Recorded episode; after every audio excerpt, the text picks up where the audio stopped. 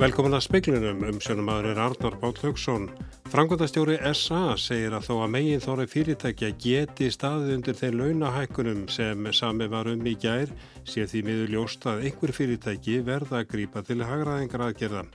Formaður bankar á Selabankans og nefndarmenn í peningastefnu nefndu bankans gaggrínað fórsenda kjærasamninga sé að vextir lækki. Eittir að segja að þetta sé galið. Selabankastjóri segir óhefilegt að sérstakta ákvæði um lækkun stýrisvaksta hafi verið sett inn í kjærasamninga. Ástrálski kynþáttahattarinn og hægri aukamadurinn sér réðst á gesti tveikja Moska í Christchurch á Nýjasjálandu um miðjamars verður á morgun ákjörður fyrir 50 morð og 10 morð tilrauna. Fyrirhugar breytingar á strandveðikerfinu falli í miskoðan jarðveg hjá smábótaegandum. Í speklunum verður rætt við Haldur Benjamin Þorbergsson og frangotastjóra SA, Vilján Birgisson, forman verkarís félags Akranes og Katrínu Ólarsdóttur, lektor í HR og nefndarmann í peningastefn nefnd Sælabankans. Frangotastjóri í samtaka atvinnlýsins segir að megin þorri fyrirtæki geti staði undir þeim launahækkunum sem sami varum í gæri. Hins vegar sé ljóst að einhverjir atvinnureikundur muni þurfa að grípa til hagraðingar aðgerðan til að mæta þessum hækkunum og við erum efnislega á þeim stað. Vandin við svona hildrarna nálgunni sá er að atvinnulífið er alls konar, það er fjölbreytt og auðvitað er það þannig að staða eftir mismunandi atvinnugreinum og geirum er mjög misjöfn. Þetta er líka landfræðileg dreifing á þessu, ringin í kringum landið. Það er ljóst að einhverjir atvinnureikandur munu þurfa því miður að fara í einhverjar hagraðingar aðgerðir til þess að mæta þessu en ég til fulljóst og einsýnt að megin þorri fyrirtækja landsins getur sér í lagi að við sjáum fram á betri tíð á næstu árum staðið undir þessum launahækunum, já. En gerir samleikurinn ráð fyrir að aðrir hópar, launahópar, sem ég ekki um meiri launahækanir? Haldur bendir á að í samningnum félist launastefna fyrir almenna markaðin. Samningar ofinbæra starfsmanna eru hins vegar lausir.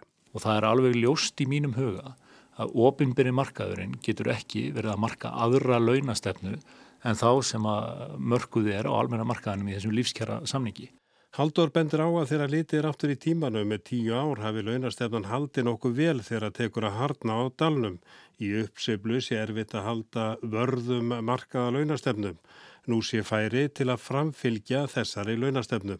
Vegna þess að við erum ekki bara að einblýna á launaliðin eins og þú veist Þetta eru, þetta er samsett laust og sér í lagi ef við horfum til dæmis á stóran útgildalið heimilana og fyrirtækjana sem er fjármáskostnaður, vakstakostnaður. Ef að þessi launastefna verður til þess að skapa skilirði fyrir Sæðlabankan til þess að lækka vexti, þá tel ég að það auki líkunar á því að þessi launastefna haldi á næstu árum. Þetta var Haldur Benjamin Þorbergsson. Már Guðmundsson, Sæðlabankastjóri, segir óhefilegt að sérstakt ákvæðu með lækun stýrivaksta hafi verið sett inn í kjærasamninga. Auðvitað geta náttúrulega aðalega vinnumarkarins skrifað allt inn í sína kjærasamninga þegar getur sagt að ef sólskýrstundur í Reykjavík að sömurinn 2020 sé að fara inn eitthvað ákveða þá verði því samninga satt upp. Það er bara þeirra réttur að myndast engin skilda á okkur en það verður eiga síður óhefilegt og líka held ég óheppilegt út á þeirra sjónumöðum vegna þess að núna er tölvið svírum e, e, vegna þessara breytinga og líka vegna þess að kann að fara að gerast áfram á næstu, næstu mánuðum. En, en það er ekki þar með sagt að þessi heppilegt fyrir nokkuð að skuldbinda vextina sem á að vera hagstjónutæki langt fram í tíman, ég tala ekki um uh, hvernig staðan verður næsta höst, nei þar næsta höst þá bara getur enginn satt til um eða enn en lengra. Þetta er svona svipað að þú var að keira bíl og hérna alltaf drakurir og setti það skilir þá að uh, þú mættir ekki snúa stýrinu meðin 30 gráður eða hver áttina.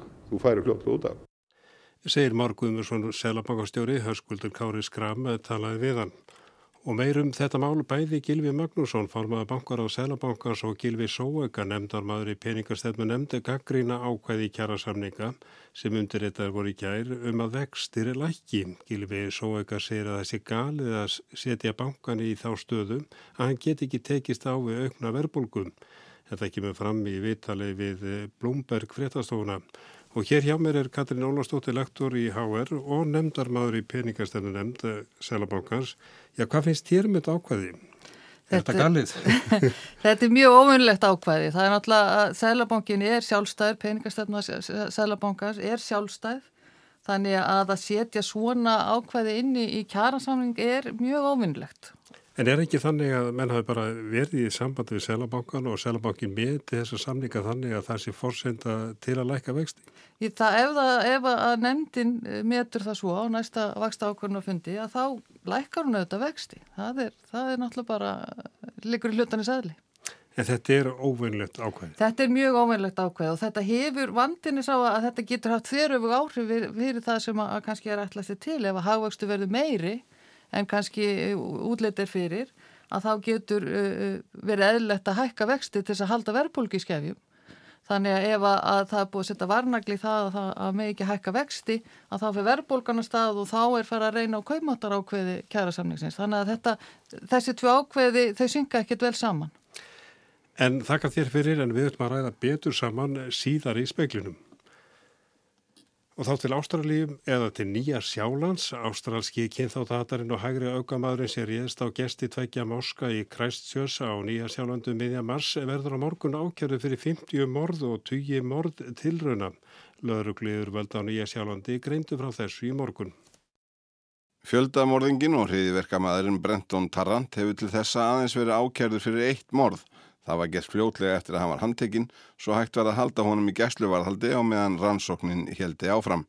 Í tilkynningu lögurglu segir að á morgun verði honum formlega byrtar ákjærur fyrir morðin 50 og 39 morðtilraunir að auki. Fram kemur að veri sé að skoða hvort rétt sé að ákjæra hann fyrir enn fleiri brot en ekki er greint frá því hvaða brot það eru. Leitar eru að því líkur í frétt AFP að saksóknarar íhugi að ákjæra hann fyrir hriðiverk en það hefur það vakið hvortvekja spurningar og gaggrinni að þær sakargiftir séu ekki einfallega sjálf gefnar í þessu tilfelli. Ótaðismadurinn verður ekki í dómsal í Christchurch heldur í öryggisfangilsun í Okkland þar sem hann er í haldi og verða honum byrtar ákjærunar í gegnum netfundarbúnað. Fjölmiðlum hefur verið bannað að taka hvortvekja ljósmyndir og myndskeið af yllvirkjanum. Ævarur Jósefsson saði frá. Fyrirhuga breytingar á strandviðkerfinu falla í miskoðan jarfi hjá smábótaegundum til stendur að lög breytingar sem gerða voru til bráðabyrða á síðast ári en þær eru taldar mismuna útgerðum eftir landsvæðum.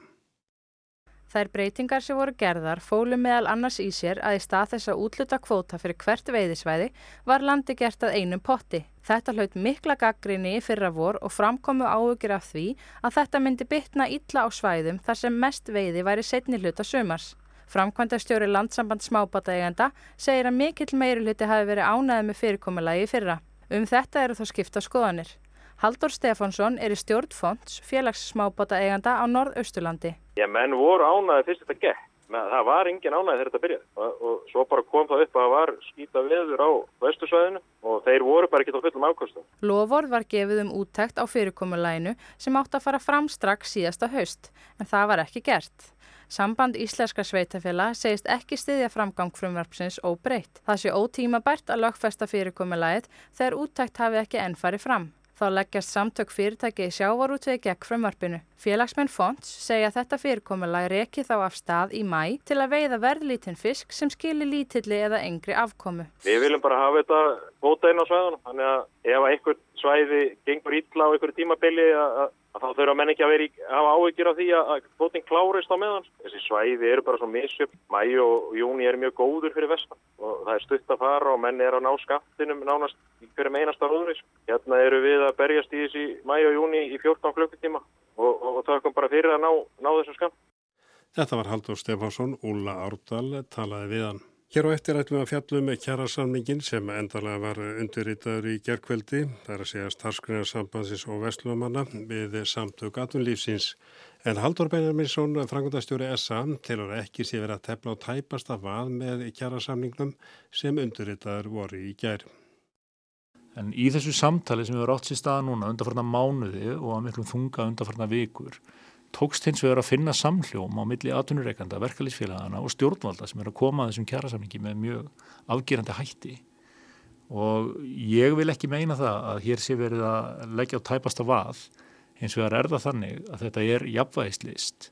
Það er auðvilt að mistiða sig en ég er algjörlega sannfæður um það að þessi samningur sem var kynntur í gæðir að hann mun standast tímast tönn og í annan stað trú ég því að við séum að nálgast þessa almennu kjærasamningskerð með öðrum hætti en við höfum gert áður og þetta er skinsum nálgun að horfa til þess hvernig við getum hækkað ráðstöfunartekjur launafólks, ekki bara í gegnum launalegin, heldur í gegnum aðra þætti sem að skapa okkur öllum bætt lífskjör. Þannig að þú telur að þessi samlingur standundur því að heita lífskjærasamlingur og hann skýli einhverjum ávinningi. Heldur betur. Ég er algjörlega sannfarður um það að kjærasamlingur sem er byggður upp á þennan máta er miklu líkleri, bæði í bráð og lengt til þess að skila raunverulegum kjarabótum til launafólks yfir lengra tímabil. Það er engin list, geta eða farni fólkinni því að semja um mjög bólgnar nafnlauna hækkanir sem síðan fara beint út í verðlægið og valda verðbólkuskoti sem býtur í verðtrið lán heimilanna. Sú leið er full reynd í mínum huga. Við hefum farið hana allt of oft og hún hefur alltaf skilað okkur sömu neyðustöðu og það sem að tókst í þetta skiptið er að samhend verkalýsreifing og atvinnureikandur ákváða að fara nýja leið og við getum metið núna á næstu árum og ég er alveg vissum það að dómurinn verður sá að þetta sé skinsamari leiðin og leið sem er líkari því sem farin er í viðmöðun á löndum okkar, til dæmis á Norðurlöndum. En er ekki eitthvað þessu sínd veið er ekki gefin, er ekki já, svolítið skrítið að gera ráð fyrir því að vextir lækki og er verið að ógna sjálfstæði selabankans og er ekki líka svolítið harkalegt að þetta skuli vera e, forsendu ákvæði samningsins? Það er ekkert örugt í lífinu nema döðin og skattar. Ég vil ekki meina að það sé margir þættir þarna sem eru háðir mikilli óvissu við sem fylgjumst vel með vakstastígi og gangi hagkerfisins metum það sem svo að það sé einstæðan úr þegar fyrir þessa kjærasamninga fyrir lækkun vaksta. Það likur fyrir að kjærasamningar eru gríðarlega stór breyta í íslensku hagkerfi og ef við skoðum lítum nokkur ár aftur tíman til 2011, 2014, 2015 þá sjáum við það að kjærasamningar á almennu vinnumarkaði eru það stór breyta að Sælabankin hefur brúðist við í beinu framhaldi í öll þessi skipti. Sælabankin er sjálfstæð stofnun sem enginn segir fyrir verkum. Sælabankin getur ekki og má ekki vera aðilegað kjærasamningi en ég hygg hins vegar að með því að kynna þá nálgun sem fram kemur í þessum lífskjærasamningi sé verið að skapa öll skilirði fyrir lækkun vaksta og það finnst mér vera ábyrg leið við gerð kjærasamninga. Og er raunhæft að tengja eh, hagumföst launum? Það er ekki bara raunhæft, það er beinlinis æskilegt og ábyrgt. Laun verða ekki til úr engu. Laun byggja á verðmæta sköpun í atvinnulífinu og verðmæta sköpunin í atvinnulífinu er mælt meðal annars í gegnum hagvöxt og hagvöxt á mann í þessu tilviki. Þetta þýðir í stuttumáli það að þegar vel gengur í hagkerfinu er innstæða fyrir meiri launahækkunum en ella en þegar gangurinn hægist þá er ekki innstæða fyrir jafnmiklu launahækkunum og þá komaður ekki til framkvæmda með sama hætti. Þannig að ég bind vonið við það að þetta sé framtíðar nálgun inn í komandi kjærasamninga og ég til að þetta sé bæði skinsamt, ábyrgt og snjált. Og þetta var að sjálfsögðu Haldur Benjamin Þorbergsson. Mér varði vist á hér áðan að segja hann væri Benjaminsson.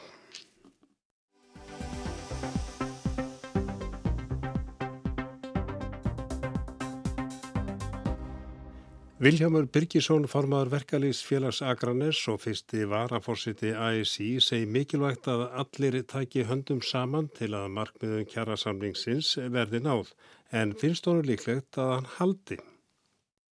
Ég ætla bara rétt að vona það vegna þess að við erum að leggja gríðarlega mikið á okkur til þess að þetta takist. Og ég vil og, og að allir axli þá ábyrði, það verði ekki eins og oft vil verða að það sé raun og veru bara verkafólki sem að þurfa að eh, axla ábyrð. Nú þurfum við öll að taka saman höndum og, og láta þetta raunggerast e, sem að þessi líf, lífskjara samningur, samningur býður upp á. En það eru rauð stryk í samningnum, eh, já, komist þið hérna yfir þau? Ég ætla bara að vona að þau virkist aldrei. Það er bara einfallega þannig að ef að þessi kjara samningur sem við erum sammála um, við samtök aðurlýs og verkefæðsefingin um að þessi kjara samningur sé að skapa hér forsöndur til þess að lækka vexti, þá vona ég svo sannarlega að það raungirist Eh, síðan þurfa bara stjórnvöld að efna þessi lofórð eh, sem að koma fram í yfirlýsingunni og ég ætla bara að leifa mér að spá því að það muni gerast vegna þess að, vegna þess að þau samskipti sem við hefum átt við stjórnvöldunum undanförnum þau hafa bara verið nokkuð góð. Er eðlilegt eða óeðlilegt að eh, vera með forsendu ákvæði í samningnum sem hveður á um að vextir þurfa lækna? Alls ekki, e, einfallega vegna þess að þetta fórsöndu ákvaði í raun og veru lítur að samtökum aturlýsis. Því að við erum að gera hér kjærasamning sem að byggja á vissum fórsöndum, fórsöndum sem að eru með þeim hætti að við teljum að samningur skapi góðan grundvöld til þess að vextir geti lækkað og ef að það ekki gerist að þá uh, likur fyrir að við þurfum að segja samningnum upp og finna aðra leiðir til þess að, að, að fá viðbætur inn í samningin. Hvaða áhrif hefur þessi samningur? Þetta eru fjölmörg aðrið, það er verið að auðvelda að kaupa á íbúðum, uh, létta á lánum, breyta lánum. Getur þessi samningur leitt til reynilega þenslu? Nei, það tel ég ekki vera vegna þess að það er svona aðeins niðursveifla hjá okkur núna tímabundið. Það eru fjölmörg atrið í þessu samningi. Ég líti á þetta sem þrýliða sangumulag. Sangumalag verkefælissefingarnar, eh, samtak aturlýs og stjórnvalda og þegar að maður skoðar heildar pakkan að þá lítur þetta bara mjög vel út. Eh, þetta er algjörlega ný nálgun sem við erum að eh, nálgast í þessum kjærasamlingu. Þetta hefur aldrei verið gert áður og takt eftir. Það hefur aldrei verið sami hér bara um flata krónutölu hækkanir á alla. Prósentur í þessum samlingi heyra sögunu til. Eh, síðan er það þessi hagvastar auki þar sem að við tókum tillit til þess hvernig hagkerfið er núna og með þeim skilurðum að þegar að eh, hafvöxtur fyrir að rýsa upp aftur þá er það innbyggt inn í kjærasamningin að það skila sér beint til launafólks og sérstaklega á láttekju hópana. En þessi samningur markar ákveðna launastefnu, er það svo að hann gerir áfyrir því að aðrir semji ekki umfram þetta eða hvað? Er, er þetta binda hendur eh, ofinbæra starfsmanna sem eru nú með lausa samninga? Það líkur alveg fyrir í mínum huga að e, samningsumbóðið verður aldrei hrifsað af einum eða neinum. Það er ekki hægt. Við erum að fara þessa leið og við myndum ekkert gráta það ef aðrir myndu fylgja okkur eftir í, í þessari veg, vegferð. Við í þessari nýju verkalsreifingu, þótt að ég nú búin að vera í þessi 15 ára, þá er ég að tala um Solvögu önnu vingunum mína og, og félaga Ragnar Þór. Við höfum verið sökuð hér um oft og títt um að vera hér í vegferð sem að allir jafnvel að leggja bara sko efnarslíf á Íslandi í rúst. Hver er niðurstaðan? Niðurstaðan eru skimsumustu kjærasamningar sem hafa verið gerðir en samt sem áður náðu að fanga viðfóðsefnið sem var að hjálpa þeim sem eru á allra, allra leggstu laununum.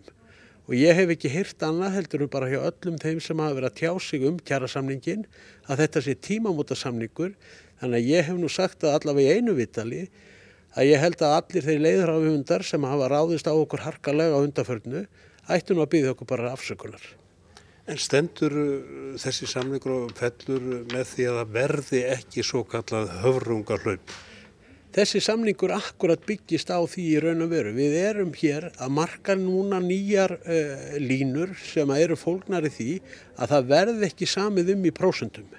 Heldur verði þetta krónutölur og ég sé enga ástæði til þess að hér einhverjir hátekjuhópar og þá er ég að tala um miljón pluss ætli sér að fara að umbreyta þessum tölum yfir ykkur að prósundur og taka fleiri, fleiri, fleiri tugið þúsunda út eða jafnvel eh, hundrað þúsund krónur eða meira í launahækanir.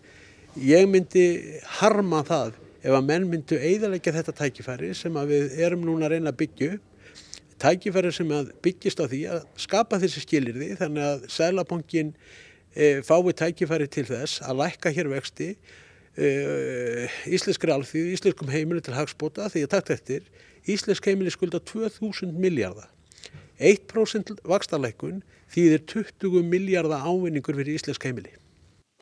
Og þetta var Viljáður Birgirsson og hérna hjá mér er Katrín Ólastóttir, lektor í HR og nefndarmadur í peningarstefnu nefnd Selabankans og þú varst að svaraði áðan í fréttalutunum að, að þetta væri óvunlegt ákvæði að það sé gert ráð fyrir að vextir lækki og þetta er forsendu ákvæði að það er ekki þetta að gera í þessu eða nema bara lýsi við skoðunum sínum á þessu? Nei, raunin ekki. Þetta er en, eins og ég bara eh, peningastöfnum nefnda náttúrulega enga aðkoma að þessum kjara samningi. E, nefndi mun að sjálfsögðu taka sínar ákvarðanir eftir sem áður og en e, getur hún ekkert tekið til til þessa ákvæðis í sínum ákvarðanum.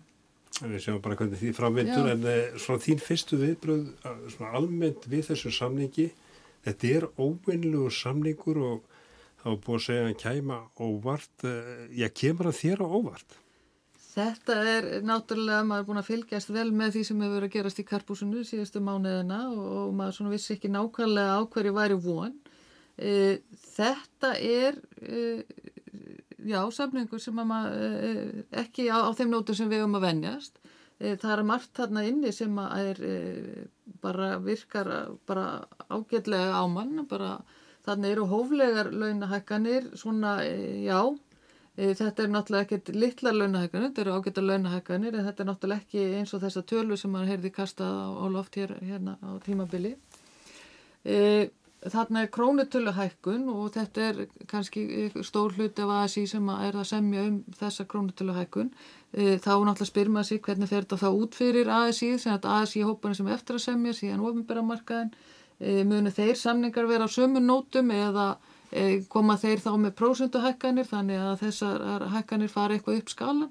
Það er náttúrulega hugsunin á bakvið þessa kjærasamninga er það að, að hækka lægstu laun þannig að þeir færi ekki upp skalan. En það kom reynda fram í viðtalinu við, það kliftist úr pislinum á hann að, að, að, að þar sem að Haldur Benjamin sagði sko að ESA hefði talið svigrúmi vera 20.000 krónur á ári. Er það ekki svolítið hátt samt sem ára með það sem var búið að tala um eða? Það er tölvert hátt en maður heyri tölum 40.000 í, í umfjöllinu þannig á tímabili. Þetta er eins og ég segi, þetta er ekkert lágar launahækkanir og, en e, þetta er svona ekki á þeim skala sem maður ótaðist að er því. Þar sem að maður sá fyrir sér að verbulgan myndi fara á skrið og, og allt slíkt. Þannig að, að þetta held ég sé svona, hvað sé, einan skynsefnismarka. En þú sér að það sé ímislegt aðtilsvært í þessu samlingi. Það á að draga úr vægi verðtryggingar. Ríkisjónu er enda það er í ríkisjónar sáttmálunum að, að það er að skoða hvernig með fjarlæga fastegna verður mælingu vísitölunar og það, það tengis ekki beint verðtryggingu, eða tengist í, jú það tengist verðtryggingunni. Já, hvað finnst þér um þetta? Er þetta raunhæf leið eða eða til hvers leiðir hún? Þetta er, þetta er færa leiðir en ég velti fyrir mér hvort þetta nái takmarki sínu. Það er að segja það að taka eh, húsnæðisverð úr ef við horfum síðustu árin að þá hefur verðbólka án húsnæðis verið lægri heldur með húsnæði. E, núna er e, húsnæðisverð og verðbólka almennt á svipuðuróli og segjum að hérna það verði lækkun húsnæðisverðs að þá er þessi, ver, þessi verðtryggingar viðmiðun sem nú er talað um, hún getur orðið hærri heldur en vísitala neysluverðs. Þannig að e, og, og e, þar að þau ekki vísitala án húsnæðis að hún seiflast meira heldur en með húsnæði. Þannig að það er svona ef við horfum aftur í tíman, fimm ára aftur í tíman þá er þetta klárlega jákvægt fyrir landtakendur en ekki víst að þetta verði jákvægt fram í tíman En Nú, eh, það sendur til að banna 40 ára lánin, eh, eh, er það eitthvað sem er, er bara gáðulegt eða, eða hvað? Það er spurningin sko hverjir finna helst fyrir því að þeir sem hafa tekið þessi lán eru þeir tekið lægstu, einfallega vegna þess að áborgunna af þessum lánum hefur verið lægst og þetta er svona þau lán sem, einu láni sem margir geta tekið. Þannig að ég velti fyrir mér að ef að þessi lán er ekki lengur leið e, bankanir fyrstalegi gerir ráð fyrir að finna ykkur góða leiði kringum, kringum þetta, þetta bann. E, það er svona, já. En að öðru leiti þá getur verið að vera komið vekk fyrir ekkur eignist húsnæði sem annars gæti með því að taka þessi lán. Þannig ég velti fyrir mér hver er tilgangur með, með því að banna þessi lán? Á morgun áreindar að kynna tilugur um já, einhverjar aðgerri til að auðvelda ungu fólki að kaupa sér í búð. Að, uh, en það er ymlegt í þessu já, frá ríkistjóninni sem er uh, drefið á að uh, það megi nota hlut af lífeyrisjós yðgjaldinu séregna sparnað til húsnæðiskaupa. Já, er það rálegt? Það er að segja nota hlut af yðgjaldinu. Það, já, það, þetta er eitthvað sem þarf að skoða mjög vel. Það er ekki víst að þetta nái tilgangi sínum. Það er bara það sem að, ég get ekki svaraði hér og nú, en ég held að þetta sé eitthvað sem að menn þurfa að setjast neyru og reikna og, og, og, og bara skoða mjög vel. Er þetta eitthvað sem að mun ná tilgangi sínum og hvað þýðir þetta þá til langframa? Þegar alltaf því við erum að horfa lífið í smána, þá verðum við að horfa þetta 40-50 ár fram í tíman þegar uh, unga fólki kemst á, á hérna, uh, eftirlauna aldur mun þessi aðgerð þá hafa áhrif á, á uh, það sem þau taka út í lífið á þeim tíma Sér, ég get ekki svaraði en ég held að menn verið að stíga þarna mjög vel En er kannski að hugsa, hugsa um það þú kaupir hús og hérna, eigður þessum hlutað viðgjaldinu þú farðu kannski lægri lífeyriskreislu þegar því kemur en þú getur selgt húsu og getið minna. Það er ekki dóleglegt en eins og segi þetta þarf bara að ég hef ekki sér útreiningarna baki þessu og þannig að, að ég ætla svona að hafa að fær stór það minnst ábyrg hér en ég held að þarna verður menn að stíga stíga valega til gerðar. En getur þetta valdið þenslu?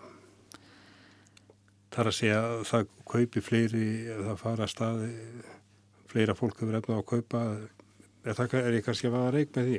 Já, já er, þetta, er, þetta er mjög góð spurning. Þarna er verið að hjálpa fólki út á húsnæðismarkan sem hefur ekki komist, kannski hinga til. Þannig að þetta mun auðvitað auka á eh, eftirspurn eftir húsnæði. Eh, mun það hafa áhrif á, á hérna, íbúðaverð, það er ekkert útlokað. En svo má náttúrulega á móti kannski eru þá þar sem að ferðamönnum hefur kannski aðeins farið fækkandi að þá kannski fækkar erinn B&B húsneð á meðan að, að, að þetta er svona spurning svolítið um samspilið en, en það er ekki þetta útiloka það að þetta hafi áhrif á, á íbúðaverð. Þú myndist aðeins á það að það er óvisa hvernig fer með aðra launahópa. Eina menn eru vissulega eftir en þeir hafa svo sem verið í þessum viðræðum. En ofinbyrri starfsmenn það komið viðbröð frá þeim þegar kannski verið hóvar formaði að henni líst bara ákveðla á þetta. En er þetta svona sammenningu sem er háðuð því að laun annara hækki ekki meira, það er verið að marka launastefnu fyrir allan vinnumarkaðin Það er í rauninni verið að gera það. Það eru ákvæði inn í, í hérna, kjara, þessum samningi um, um, um svo kallar launathróunatryggingu þannig að aðrir fá meira þá á, hérna, kemur það til hækkunar. Uh, og þannig að það var kannski segja þarna séu bæði belt og axlabönd. Það er launathróunatryggingin og hagvakstaraukin sem að koma þann inn í. Þannig að, að þetta hvort ekki uh, uh, já, þannig að verði samviðu meira annar starf, þá er líklegt að, að það komi eitthvað í, í gegnum þau ákveði Þannig að með þurfu ekki ótt, ótt að það sérstaklega nema hvað þá bara Karlsvöli fer hérna snúast aðeins ráðar Já, og svo spurning hvernig það fer þá út í verbulguna Já, ég veit verðbólka, Já. hvað getum við sagt um hana? Oft er að spá því eftir kjærasamninga hvað, já, hvað áhrif verða kjærasamningum? Já, hér eru bara mjög mörg atriði sem þarf að taka til eitt til þannig að það mun taka eitthvað tíma að rekna sér í gegnum það. Hvað, hvað eru vantanlega verðbólka áhrif af þessum kjærasamningi? Bara örstutum annað mál sem er kannski eh, nýmæli að eh, þessi samningur er tengdur hagvexti. Já. Örstutum það, er það algjörlega nýtt eh, er, er eitthvað þess að varast þar eða hvað? Það er, það er algjörlega nýtt, það er ekki, eitthvað hugmyndafræðin er, er ágætt, vandin er sá að þetta er miða við fyrstu hagvægstatölur sem koma út í mars uh, árið eftir og þær tölur eru oft mikið endur skoðaðar ímest upp eða niður þannig að þetta er mjög ónákvæm tala sem þannig verið að miða við. Og þetta er hagvægstur á mann? Já, og þá þarf að telja fólki rétt. En við komumst í lengra, Katrin Ólastóttir, lektor og eh, nefndarmadur í peningastemnu nefnd, ég þakkaði kærlega fyrir. Tæklimari kvöld var Gísli Kjarana Kristjánsson, verið sæl.